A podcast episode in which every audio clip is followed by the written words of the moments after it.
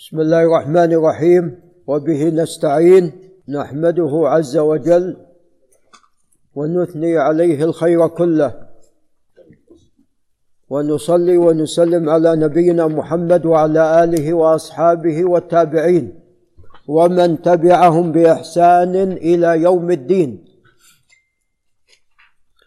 أما بعد فتقدم لنا الكلام على الحديث الأول والثاني والثالث.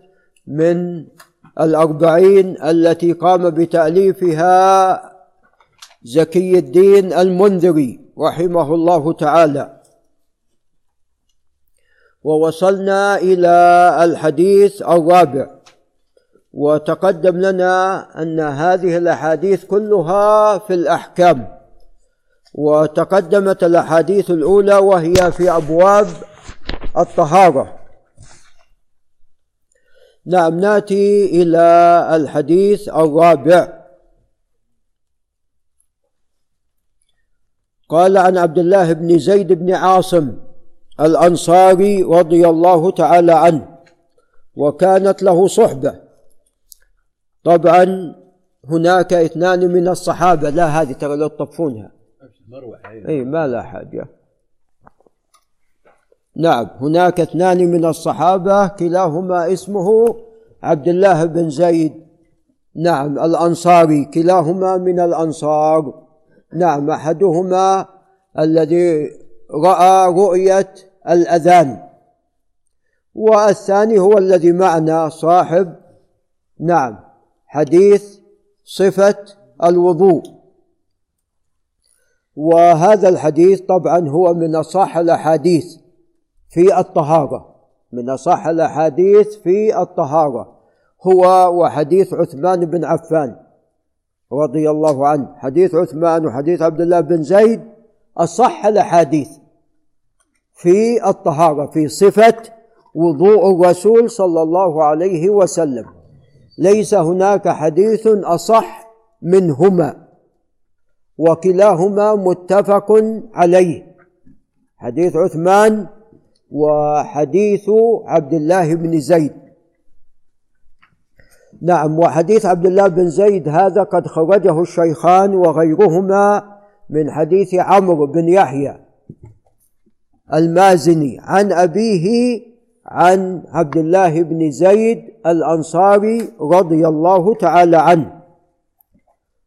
قال وكانت له صحبة.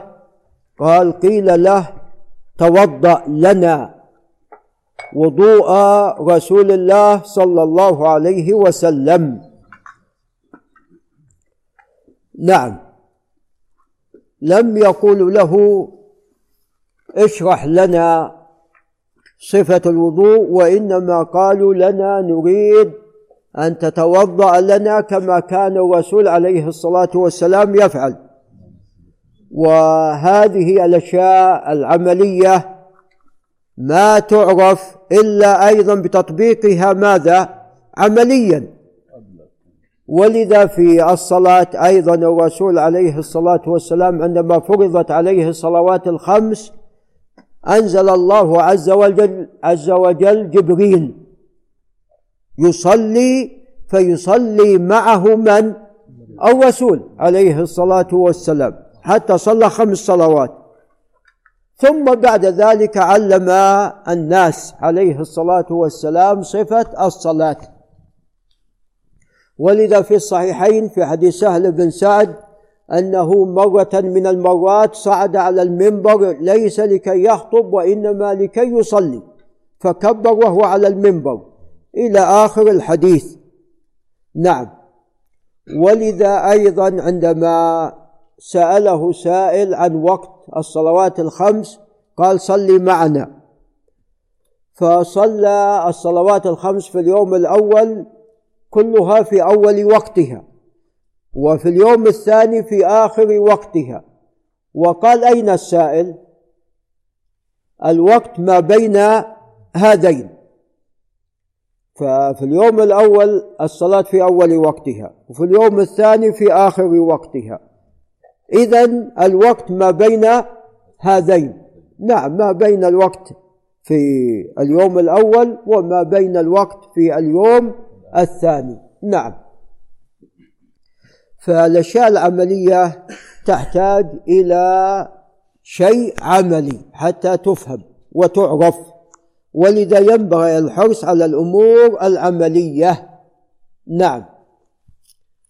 ولذا يعني الآباء والمدرسون إذا أرادوا أن يشرحوا صفة الوضوء لا يشرحونها نظريا وكلاميا بل يطبقونها ماذا؟ عمليا يأتون بإناء فيه ماء ثم يتوضؤون أمام المراد تعليمهم. نعم حتى يعرفوا ذلك.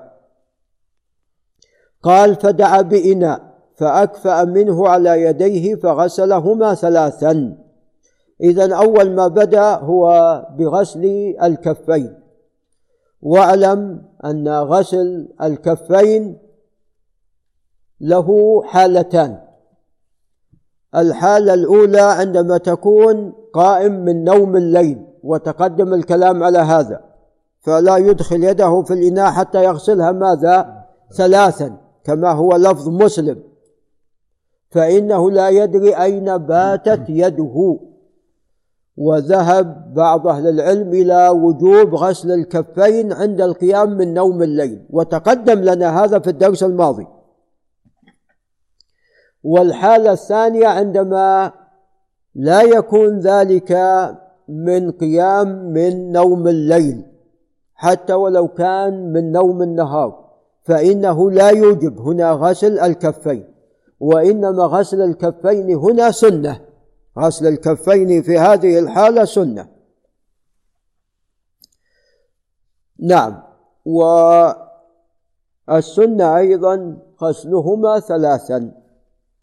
قال ثم أدخل يده في الإناء فاستخرجها فتمضمض. تلاحظون أنه أن هناك فرق فعله هذا لعل أبو عبد الرحمن ينتبه فعله عبد الله بن زيد. في الأول أكفأ الإناء حتى غسل يديه. ثم عندما غسل يديه أبي تمضمض غرف ولا ما غرف؟ ما أكفأ الإناء غرف. فأنت لا تدخل يديك حتى ماذا؟ حتى تغسلهما. نعم. وهذا واجب كما تقدم عند القيام من نوم الليل. قال ثم أدخل يده في الإناء فاستخرجها يعني غرف فتمضمض واستنشق من كف واحدة فعل ذلك ثلاثا.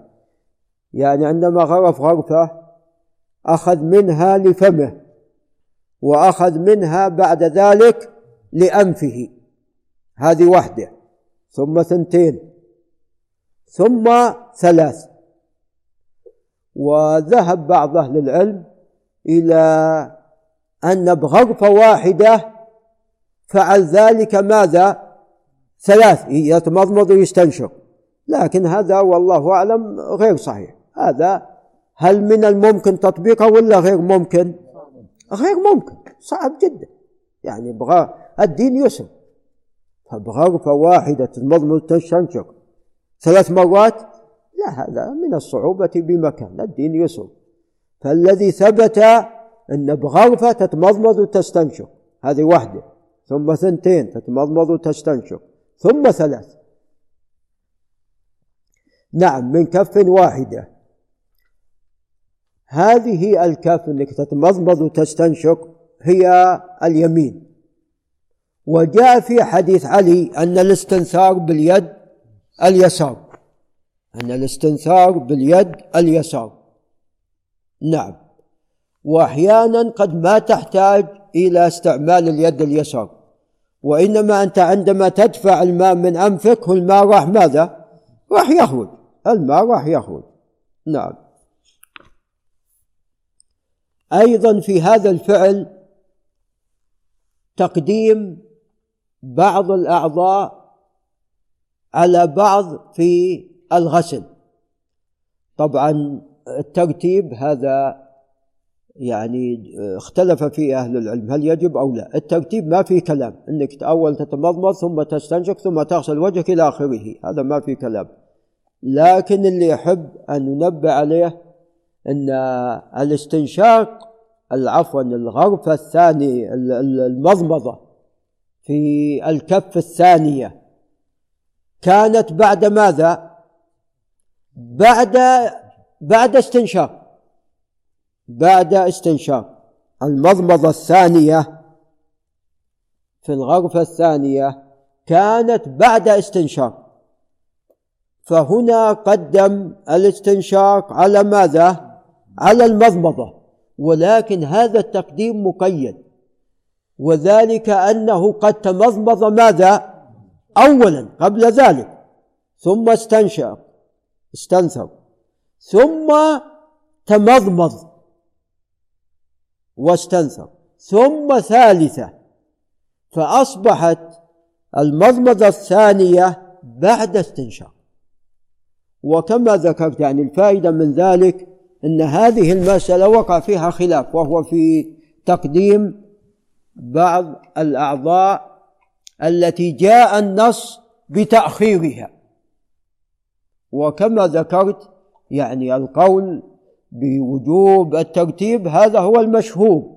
لكن هناك من أهل العلم ممن يجوز تقديم ما حقه ماذا؟ التأخير.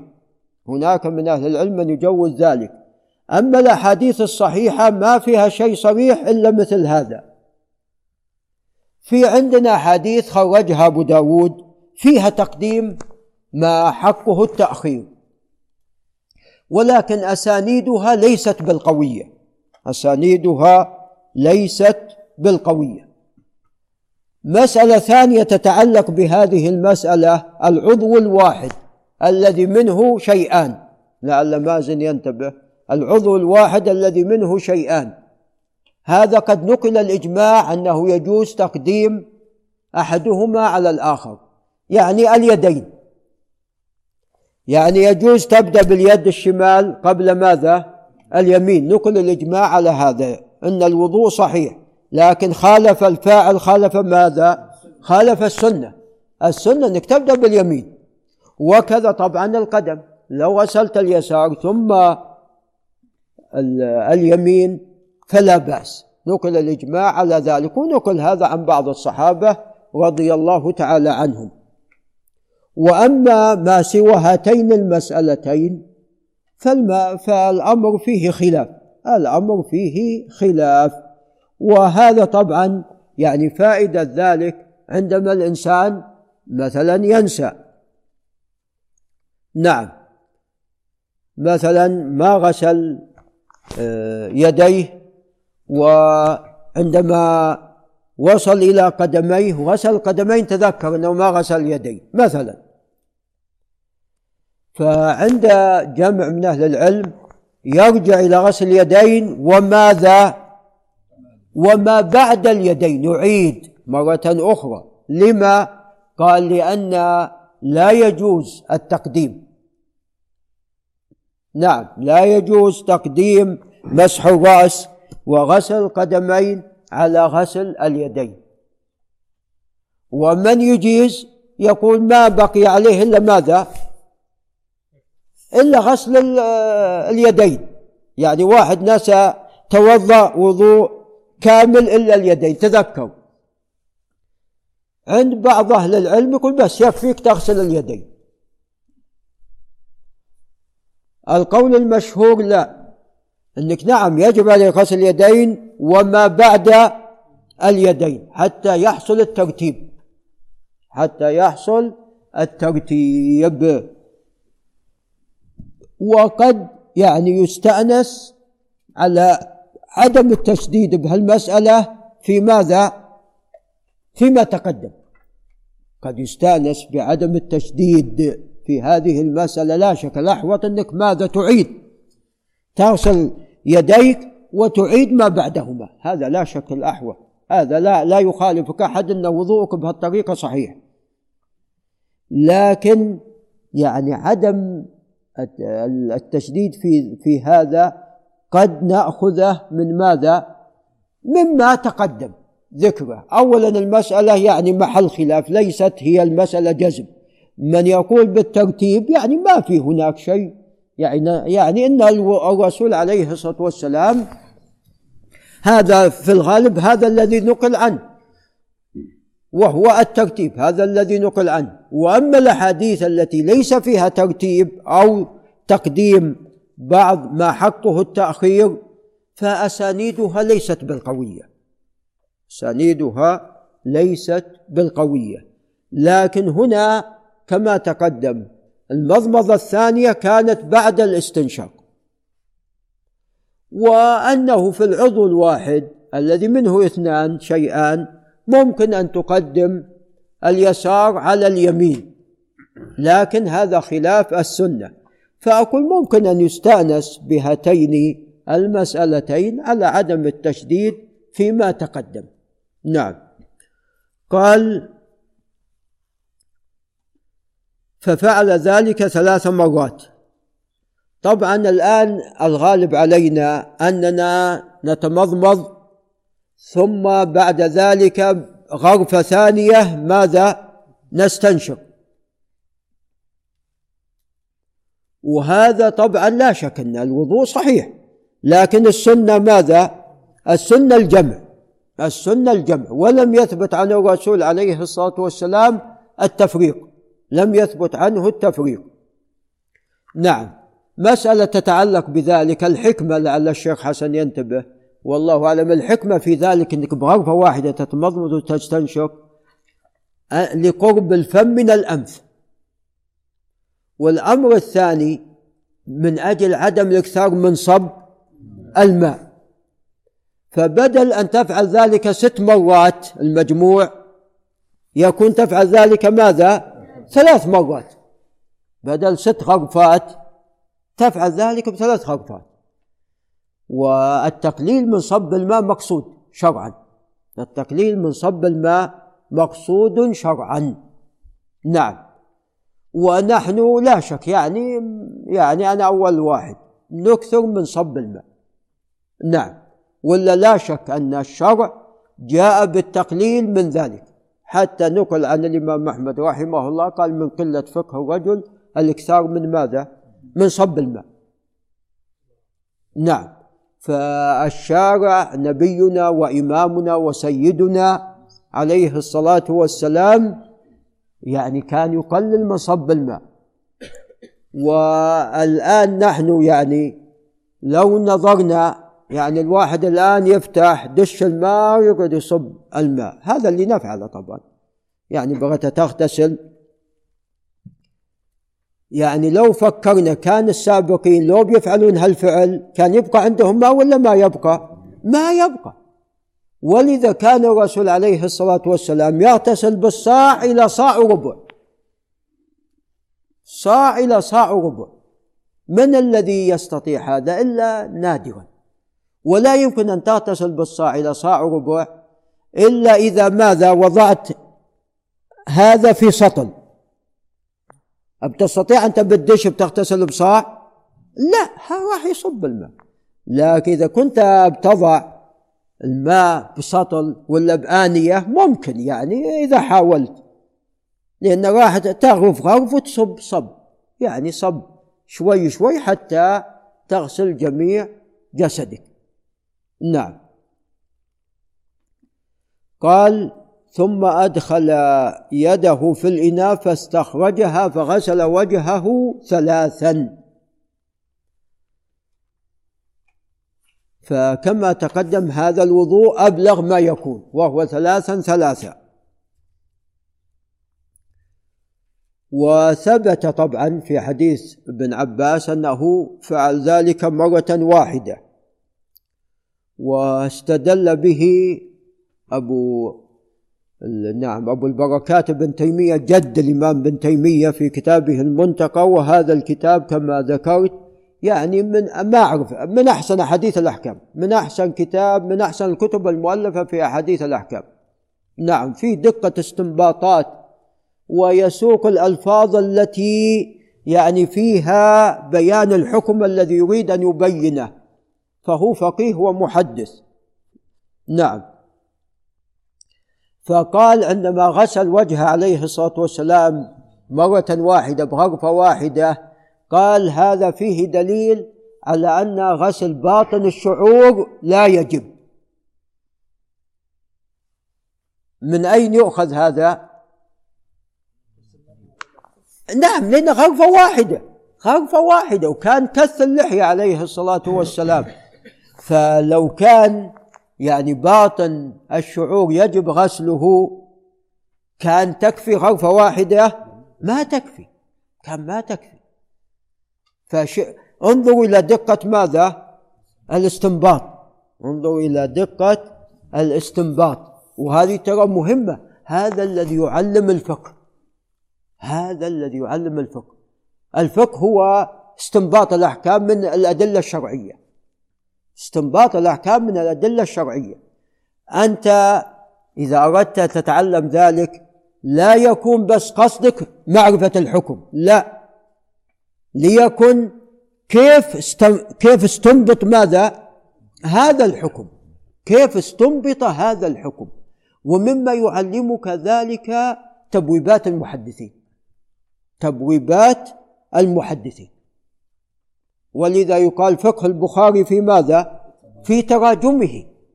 فقه البخاري في تراجمه. فأنتم احرصوا على التبويبات. احرصوا احرصوا غاية الحرص على التبويبات. وإذا قرأت في المنتقى لابن تيمية احرص على أيضا تبويباته. منين أخذ هذه الأحكام؟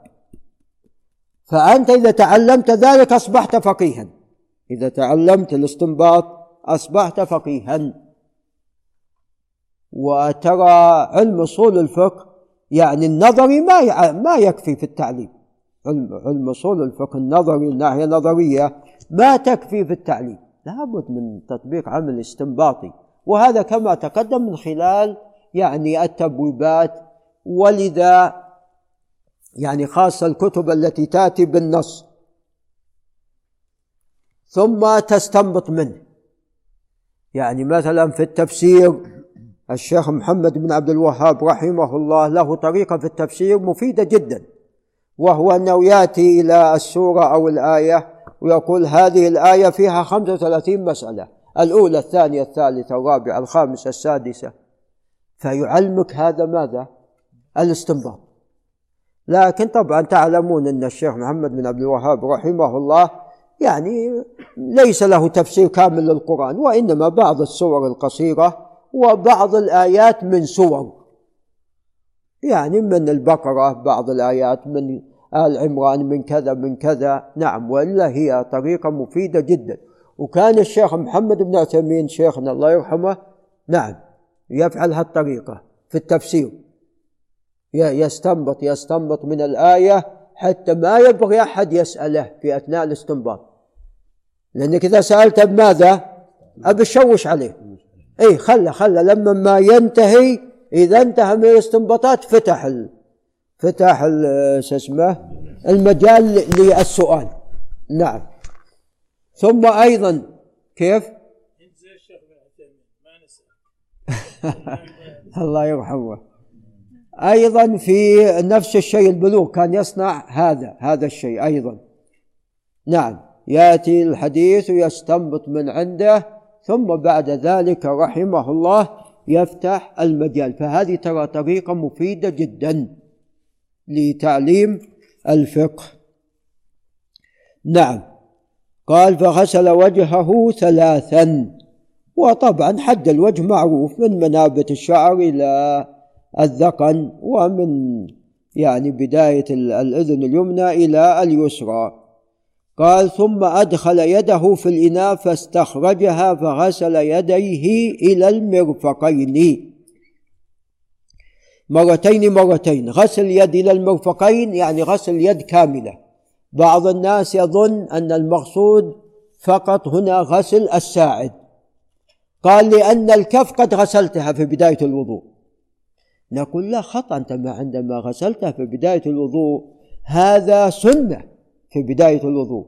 وأما الآن فواجب. فأغسل الكف إلى أطراف الأصابع. الكف والساعد إلى المرفقين. نعم. قال مرتين مرتين. وفي هذا الحديث أن بعض الأعضاء ثلاثا وبعضها ماذا؟ مرتين. فهذا مشروع. إن غسلت بعض الأعضاء ثلاثا وبعضها مرتين أو بعضها ثلاثا وبعضها مرتين وبعضها مرة فكل هذا مشروع. أو اقتصرت على مرة مرة فهذا هو أدنى الواجب. وما زدت فهو أبلغ وأحسن. قال ثم أدخل يده في الإناء فاستخرجها فمسح برأسه فأقبل بيديه وأدبر. عندنا صفتان لغسل عفوا صفتان لمسح الرأس الصفة الأولى وهي السنة. أنك تبدأ من المقدمة إلى المؤخرة ثم ماذا؟ ثم ترجع. والصفة الواجبة أنك تعمم الرأس بالمسح كيفما ماذا؟ كيفما كان. هذه الصفة الثانية وهي الواجبة. وأما السنة فإنك تبدأ من مقدمة منابت الشعر إلى المؤخرة ثم ترجع. ثم هنا مسألة قال فمسح. فضل فإذا المسألة مسح وليست ماذا؟ غسل. المسألة مسح وليست غسل. ففي فرق كما تعلمون بين المسح والغسل. إذا ينبني على هذه المسألة مسألة مهمة وهي هل يشرع تكرار المسح أم لا؟ هل يشرع تكرار المسح أم لا؟ ماذا تقولون؟ لا لأنك لو كررت المسح أصبح ماذا؟ غسلا لو كررت المسح أصبح غسلا والحديث يقول فمسح برأسه فإذا لا يشرع تكرار المسح.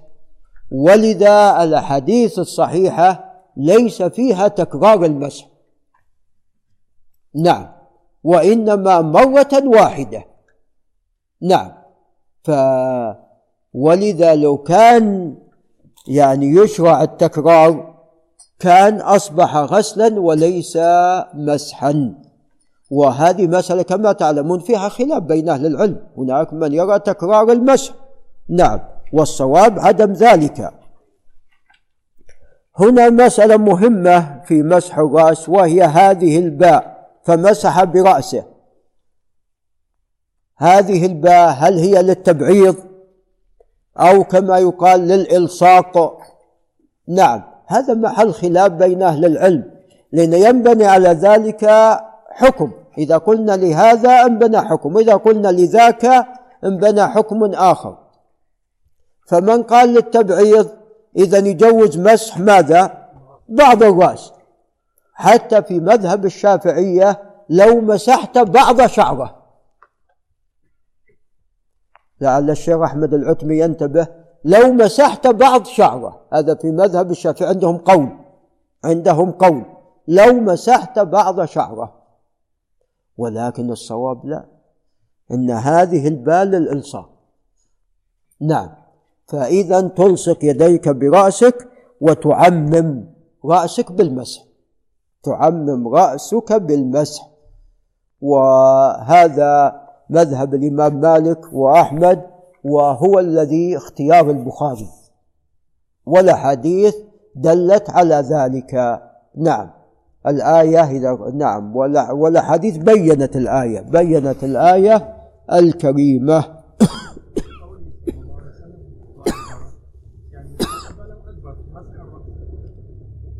إي نعم إيه هذا هنا نعم. لكن الكلام هل يعني هذه سنة هل يجب تعمم أو ما يجب إي هذا. قال ثم غمس بسبابتيه وإبهاميه في الإناء فمسح أذنيه ظاهرهما وباطنهما.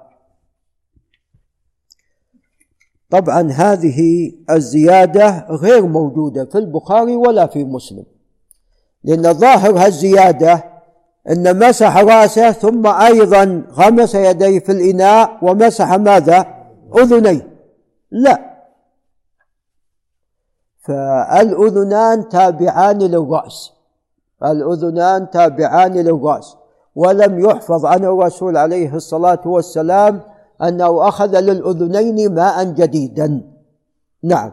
ثم أيضا يعني ينبغي أيضا الشيخ أحمد العتمي ينتبه ليس في الصحيحين مسح الأذنين. ما في في الصحيحين. في الصحيحين ما في مسح الأذنين. وإنما مسح الأذنين خارج الصحيحين. جاء خارج الصحيحين ولكن هي زيادة صحيحة. جاء ثبت في أكثر من حديث. عندنا حديث ابن عباس وحديث عبد الله بن عمرو بن العاص وحديث أبي رزين العقيلي وهي احاديث قوية صحيحة. صحيحه الحديث الأحاديث صحيحة في مسح الأذنين ولكن ليس في الصحيحين مسح الأذنين لا في حديث عبد الله بن زيد اللي في الصحيحين ولا حديث عثمان. وإنما جاء في حديث عثمان خارج الصحيحين. نعم. وقد اختلف أهل العلم طبعا قبل نعم في حكم مسح الأذنين هل هما واجب أو مستحب؟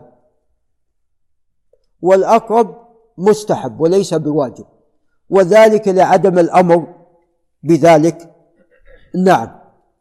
ولأنهما يعني تابعان وليس عضوان مستقلان. فالأصل والله لم السنية وليس الوجوب. ولذا لو أن شخصا اقتصر على مسح الأذنين ولم يمسح الراس وضوء صحيح ولا غير صحيح؟ غير صحيح. غير صحيح. وضوءه غير صحيح. نعم ناتي إلى صفة مسح ناتي إلى صفة مسح الأذنين. صفة مسح الأذنين هو أنك بسبابتيك تدخلهما في صماخ الأذنين. تدخلهما في صماخ الأذنين. وبأطراف إبهاميك تمسح ظاهر الأذنين من الخلف. ظاهر تمسح ظاهر الأذنين من الخلف. ها. نعم.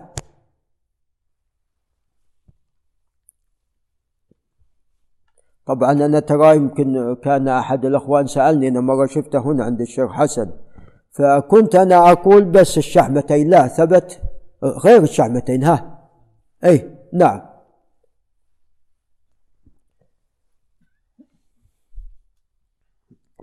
قال ثم غسل رجليه إلى الكعبين. نعم غسل رجليه. المقصود أنه بدأ أولا بأي شيء؟ باليمين. ثم بعد ذلك باليسار. ثم بعد ذلك باليسار. وجاء في حديث علي أن اليد اليسار هي التي استعملها في غسل ماذا؟ في غسل قدميه. اليد اليسار مو تستعمل اليمين يدك اليمين لرجلك اليمين لا. وإنما يدك اليسار لكلتا الرجلين تبدأ باليمين تغسلها تنتهي ثم اليسار. نعم. وفي غسل قدميك ينبغي لك أن تنتبه إلى خلل ماذا؟ الأصابع. فتدخل الخنصر في الخلل أو بأي طريقة حتى يدخل الماء إلى ماذا؟ اي نعم إلى الخلل الموجود بين الأصابع. وأنتم تعلمون خاصة يعني الخنصر من آه، القدمين يحتاج إلى ماذا؟ يحتاج إلى إدخال الإصبع أو الانتباه حتى يصل الماء إلى ما بين الخلل. حتى يصل الماء إلى ما بين الخلل. أيضا في بيدك اليسار إذا كنت لابس الشراب تمسح بيدك اليسار.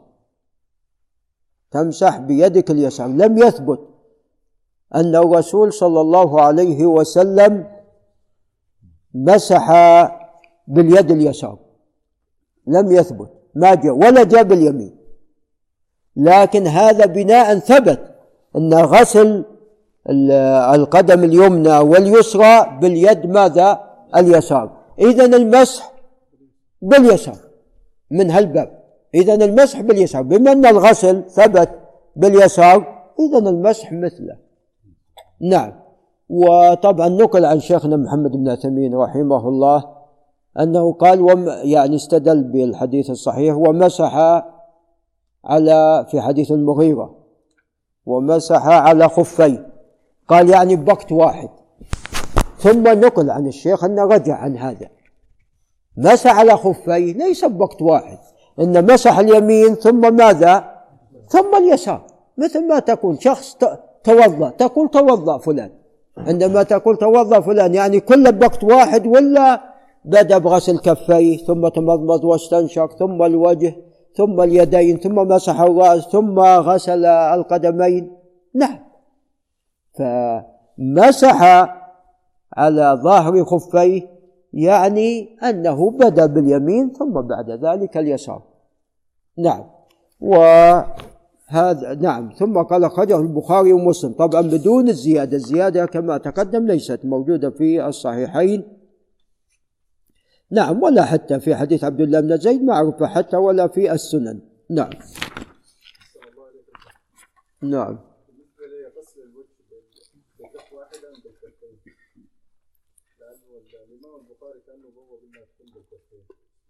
اي بالكفين لا بالكفين بالكفين بالكفين نعم بالكفين. لكن يكفي غرفة واحدة كما تقدم يعني باطن الشعور ما يجب غسلها لما تقدم. يا جماعة خلينا نكمل. إيش رأيكم؟ نكمل بس ثم يترك. تفضل تفضل سؤالك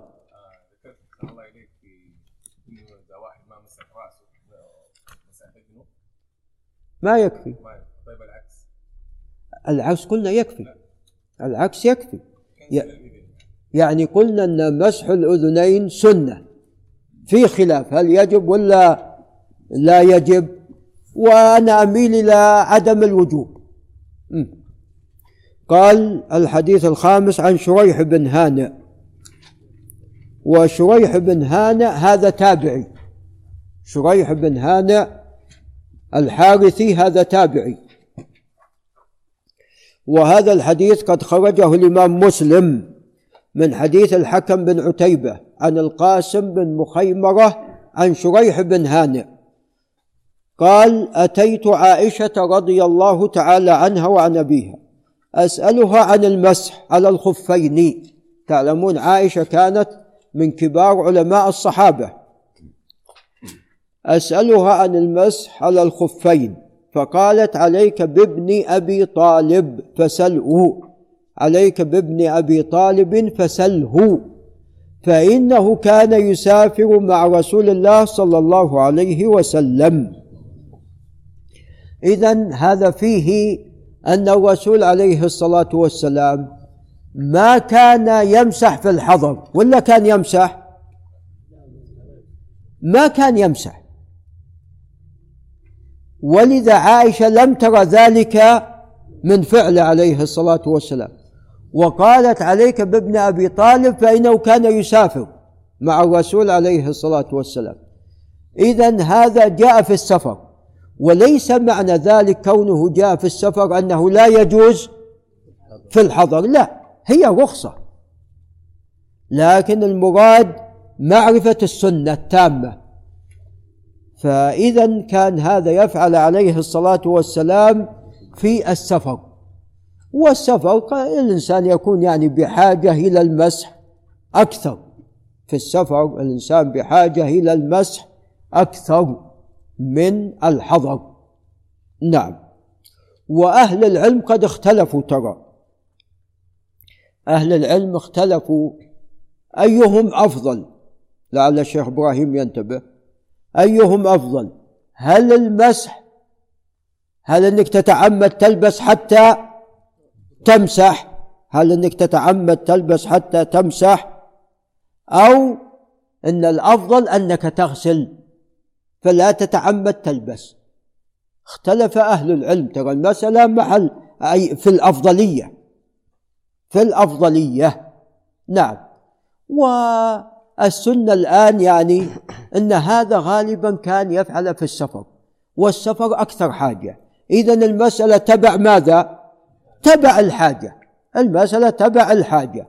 المسألة تبع الحاجة.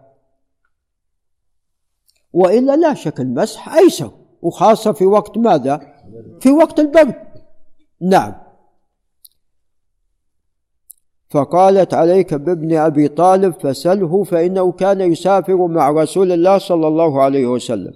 فسألناه فقال قد جعل رسول الله صلى الله عليه وسلم.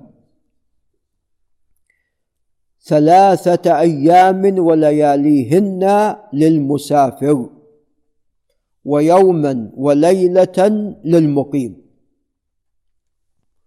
وهذا مما يؤيد يعني أنه غالبا أن ذلك في السفر. فالسفر الحاجة فيه أكثر. فلذا بما أن الإنسان محتاج أكثر إذا المدة ماذا؟ نعم طالت. المدة طالت. المدة طالت. نعم. وفيه أيضا مشروعية طبعا المسح في الحضر لكن الكلام على السنة يعني على الأكمل في السنة. الكلام على الأكمل في السنة. إذا المقيم يوما وليلة والمسافر ثلاثة أيام.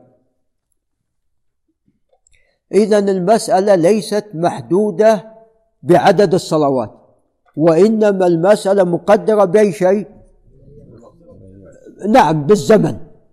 ليس بعدد الصلوات. لأن بيوم وليلة قد يعني قد تصلي أكثر من ماذا؟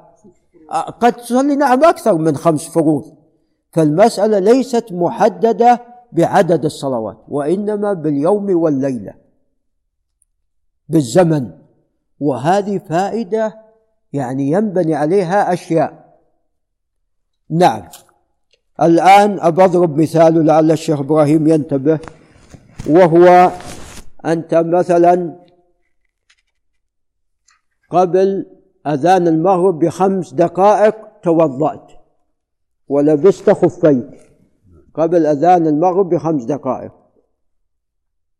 لا خلنا لا نقول قبل خمس نقول مع الأذان. مع أذان المغرب لبست خفيك مع الأذان. مع الأذان. جيت في اليوم الثاني أنت بعد ذلك تمسح. توضأت قبل الأذان بخمس دقائق. هل تمسح ولا ما تمسح؟ لماذا نمسح؟ يعني قد يقول قال إحنا جلسنا يوم وليلة.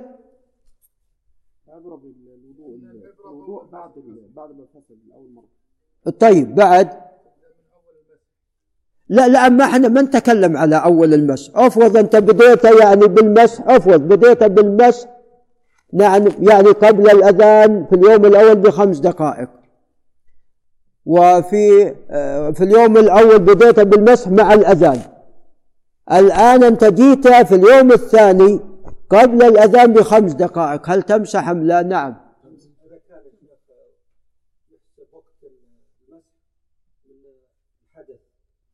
إحنا نقول الآن أنت ما قاعد نتكلم على نقول أنت الآن مسحت أفرض مسحته. من المسح من المسح. هو المدة الراجح بدايتها من المسح. يمسح المسافر. إذا وصل يوم الليلة. ما, ما انتهت الليلة. نعم يعني المدة ما كملت. نعم. فأنت لو حتى يعني قبل خمس دقائق المدة ما كملت. يعني جوابي كان سليم. ما ما, ما إيه يوما وليلة. إيه يعني المدة ما كملت. إيه يعني نعم مدة كاملة. نعم. فأنت يعني بقى خمس دقائق بعد. نعم. أما متى يعني تبدأ المدة؟ الراجح من حين المسح. من حين المسح. أي نعم. من حين تبدأ بالمسح فتجلس يوما وليلة 24 ساعة. يوما وليلة. نعم هذا للمقيم. وللمسافر ثلاثة أيام بلياليهن. انتهت المدة وأنت على طهارة ما أحدثت. نعم تبقى تصلي. لكن ما تمسح ما ما تمسح لأن المدة انتهت. نعم تصلي تصلي. أحدثت فهنا لابد من خلع الجورب نعم هنا لابد من خلع الجورب المدة أي نعم. نعم طيب توضأ ومسح قبل انتهاء المدة خلع جوربه هل انتقض هذا فيه خلاف بين أهل العلم فيه خلاف بين أهل العلم والجمهور على أن وضوءه انتقض. نعم لأنه ما جاز له المسح إلا لأن قدماه مغطاة لابس. ما جاز له المدح المسح. أي إلا لأن القدمين مغطاة. الآن غير مغطاة خلاص انتقض الوضوء. المسألة محل خلاف ترى بين أهل العلم. وهناك من يستدل على عدم النقض بأثر علي بن أبي طالب رضي الله عنه أنه مسح على نعليه خلعهما وصلى. هنا والله أعلم مسح قد يكون غسل لأن هذه لغة عربية ولا زالت مستعملة. تمسحت يعني ماذا؟ يعني توضأت. إي نعم وغسلت أعضائي. هذه لا زالت لغة عربية هي لغة عربية فصيحة لا زالت مستعملة. فالذي يبدو أن علي رضي الله عنه مسح على نعليه يعني غسل غسل. ثم عندما غسل وجاء يصلي خلع النعلين وصلى. نعم فهذا ما نعم. وبعضهم يقول بما أن شعرك إذا مسحت عليه ثم حلقته أن وضوءك لا ينتقض. فإذا أيضا نفس الشيء لو خلعت الجورب الجورب أو الخف لا ينتقض الوضوء. لا في فرق بينهما. في فرق. أنت شعرك لو حتى ما عليك شعر تمسح ولا ما تمسح؟ تمسح. لو واحد أصلع يمسح. لكن لو واحد القدمين مكشوفات يمسح لا يجب أن يغسل. ففي فرق بينهما. في فرق بينهما في هذه الحالة وقياس هذا بذاك خطأ. نعم. فهذا خ... نعم. فهذا خطأ. هذا القياس هذا خطأ.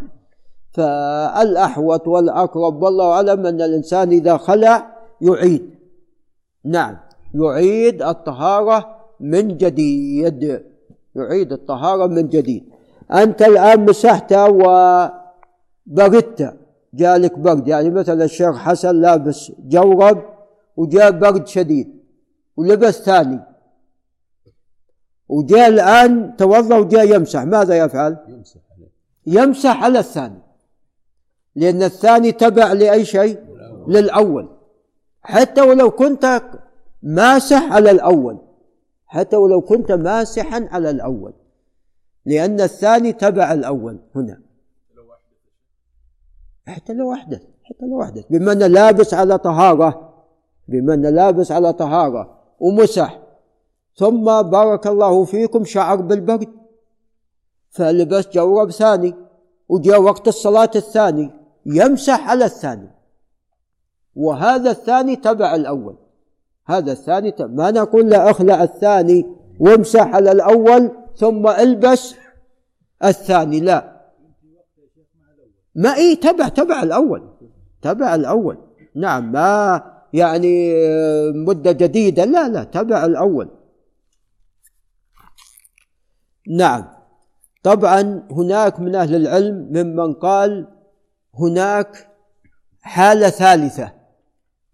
المسافر ثلاث أيام بلياليهن والمقيم يوما وليلة قال هناك حالة ثالثة وهو الشخص المضطر وهو يمسح أسبوع كامل. وقد فعل ذلك الإمام بن تيمية عندما سافر في البريد ما بين مصر والشام فعل ذلك. واستدل على هذا بما جاء في أثر عقبة بن عامر أن عندما جاء من الشام إلى المدينة جاء من الشام إلى المدينة فقال عمر رضي الله عنه متى أدخلت خفيك؟ قال من منذ أسبوع. فهو استدل بذلك وذهب الجمهور إلى أن ما فيه إلا يوم وليلة وثلاثة أيام. نعم. نعم لو فرض يعني واحد مضطر ويخشى من هلاك أو شيء فالله عز وجل ماذا قال؟ نعم فاتقوا الله ما استطعتم. فإن خفتم فرجالا أو ركبانا. وثبت في البخاري عندما بعث عليه الصلاة والسلام بعض الصحابة يبحث عن عقد عائشة الذي ضاع. حضرت الصلاة قبل مشروعية التيمم قبل أن ينزل التيمم. صلوا بدون ماذا؟ بدون ماء. خلاص حضرت الصلاة ولا عندنا ماء.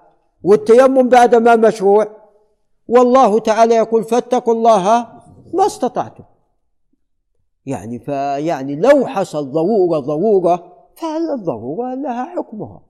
فاتقوا الله ما استطعتم. نعم ولد الصلاة على عظمها. ما قال الله عز وجل انتظروا حتى تنتهي المعركة. قال فإن خفتم فرجالا أو ركبانا.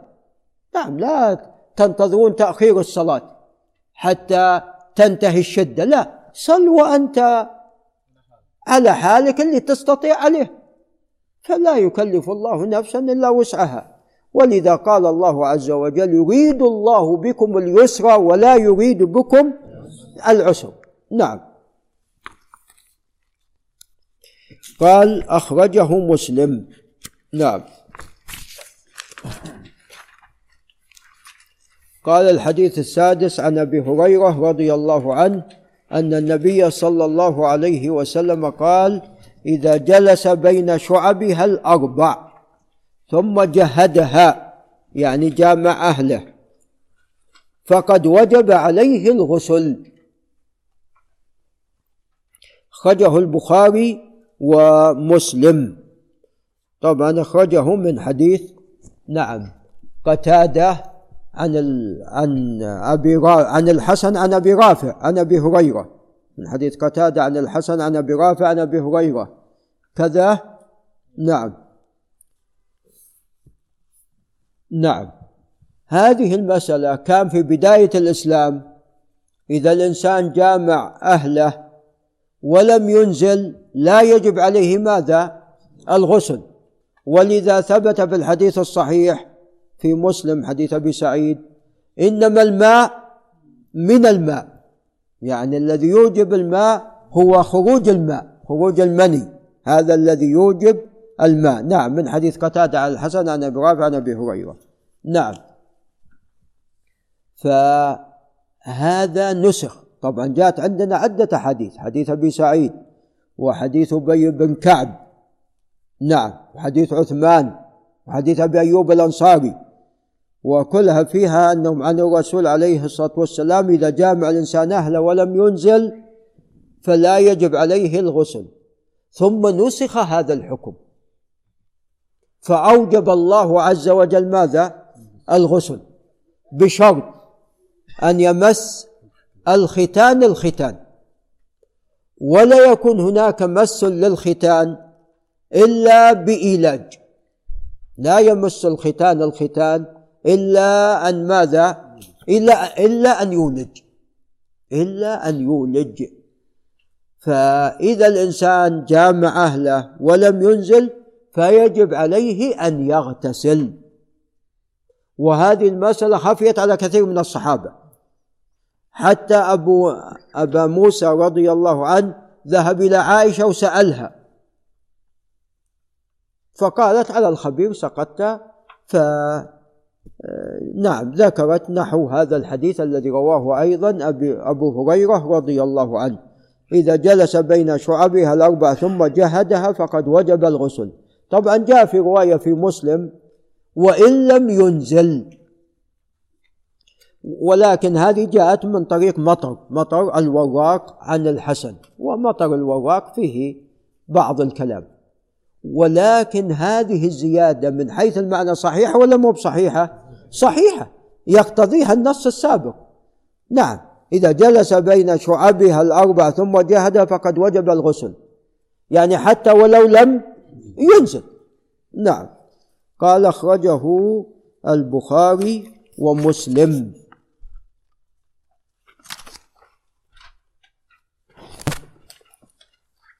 ولعل نقف عند هنا. هذا وبالله تعالى التوفيق. آمين. إي نعم تفضل.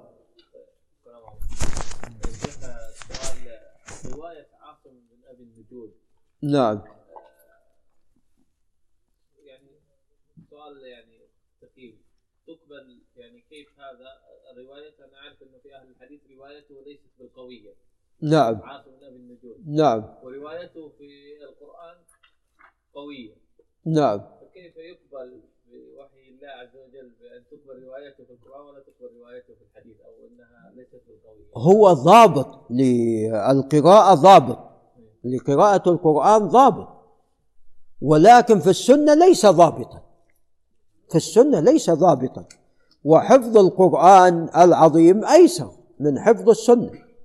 حفظ القرآن العظيم أيسر من حفظ السنة ولقد يسرنا القرآن للذكر فهل من مدكر؟ وتلميذ حفص نفس الشيء.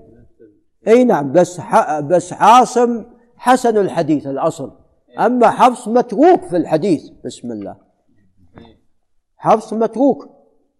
نعم لكن في القرآن ضابط. نعم. يعني في يعني في رجالات الحديث منهم من يكون ضابط في باب من أبواب أيضا نعم نعم نعم آه، يعني نعم. هذا حجة في السيرة. نعم. إذا روى في مجال معين. ما يقبل. نعم نعم في تفصيل في ففي ب- بعض الرواة نعم. وبعض ال- الرواة ضابط لحديث شيخ معين دون شيوخ. نعم. الحين بارك الله فيك عبد الله يوم تقول واحد لو نسى اليد اليمنى وغسل يصير لما بعد شوي عنده يصير الحمد لله يكفيه. نعم. يصير يعني هذا من حسنه يعني انه يعني يكون ما عنده ما يمكن واجد. يروح يغسل ثاني ماشي عبد الله؟ والله أبو عبد العزيز هو على الحكم. يعني أنا عندي الأحوط طبعا إنه يعيد. الأحوط يعيد. يعيد ما بعد اللي نساه. الأحوط. طيب يعني يعيد؟ يعيد. لكن لو يعني أنت ما يخاف لو قدم اليمنى على اليسار. لا ما كنا ما يخاف. كنا يعني لا يعني قد قد يعني ما نشدد نشدد. قد ما نشدد ولا ما لا إيه. أنا ما عندي مو بواجد. ما يمديني أخذ ثانية. يلا يكفينا على الباقي أخ- واتقوا الله ما استطعتوا والله إن شاء الله إن شاء الله. كان بهالمسألة. نعم.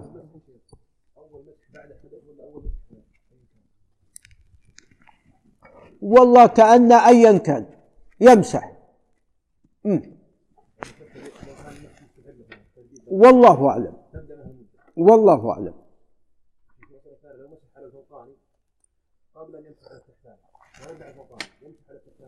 يمسح. يمسح نعم. لأن لا زالت القدم غير مكشوفة. ما ما إيه. شوف ال- الأذن أحسن الله عليك نعم إذا كانت تندرج ضمن ال- الوجه فلماذا لا تأخذ حكمه في الوجوب؟ ماذا؟ الأذن ليست من الوجه الأذن من الرأس الأذن من الرأس. طيب ليش ما تأخذ ما تأخذ ما تأخذ حكم هذا. يعني لابد من دليل على الوجوب. ما هناك دليل بين. ما هناك دليل بين.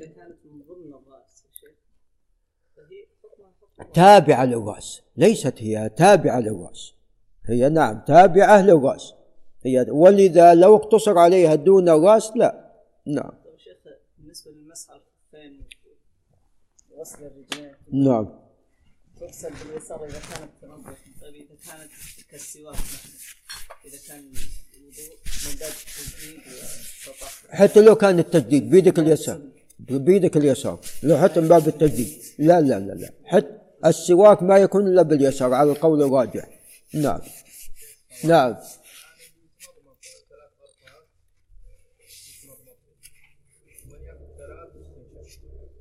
إيه. هو وضوء صحيح لكن الأكمل في السنة كما تقدم تتمضمض وتستنشق. إيه.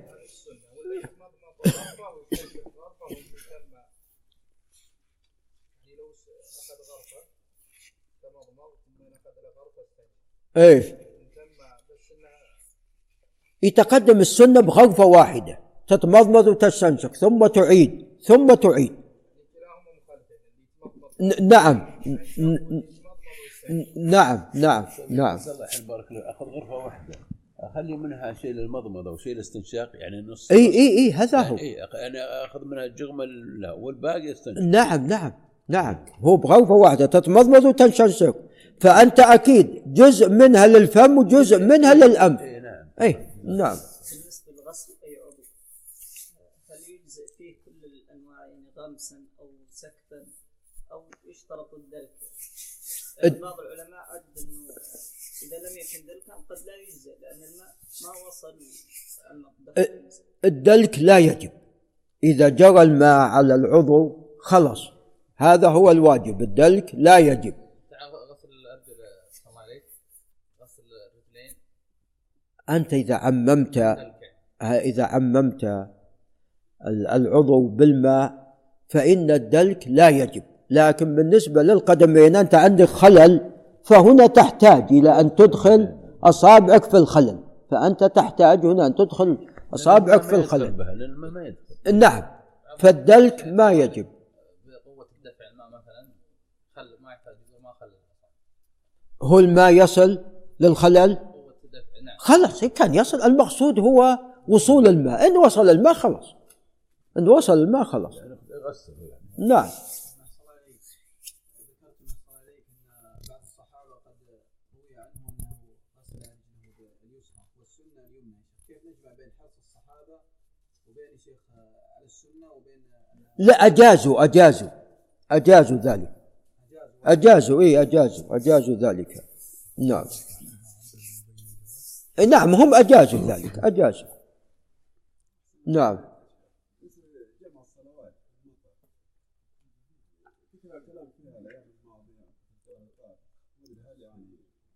يشرع يشرع الجمع. إحنا جمعنا في يشرع الجمع. طبعا ما ثبت حديث أن الرسول عليه الصلاة والسلام جمع من أجل المطر. ما ثبت حديث. من أين يؤخذ هذا من حديث ابن عباس؟ أن جمع مرة من المرات بين الظهر والعصر في المدينة من غير خوف ولا سفر وفي رواية ولا مطر. وجمع بين المغرب والعشاء في المدينة من غير خوف ولا سفر. سئل ابن عباس قال أراد أن لا يحرج أمته. فيستدل بهذا على مشروعية الجمع في المطر. في بارك الله فيك في المرض ولا حتى في مرض موته عليه الصلاة والسلام لم ينقل أنه جمع حتى في مرض موته. أيضا يعني عندما في حديث أنس دخل أعرابي قال استسقي لنا فجاء المطر مدة أسبوع. هل نقل أنه جمع؟ ما نقل أنه جمع مطر أسبوع. ما نقل أنه جمع. من أين يؤخذ حديث ابن عباس عندنا؟ والذي جاء في السنة في المطر الغالب صلوا في رحالكم. صلوا في رحالكم. هذا هذا الأكمل الأكمل عدم الجمع. صلوا في الرحال. لكن لو جمع فلا بأس. لحديث ابن عباس. نعم.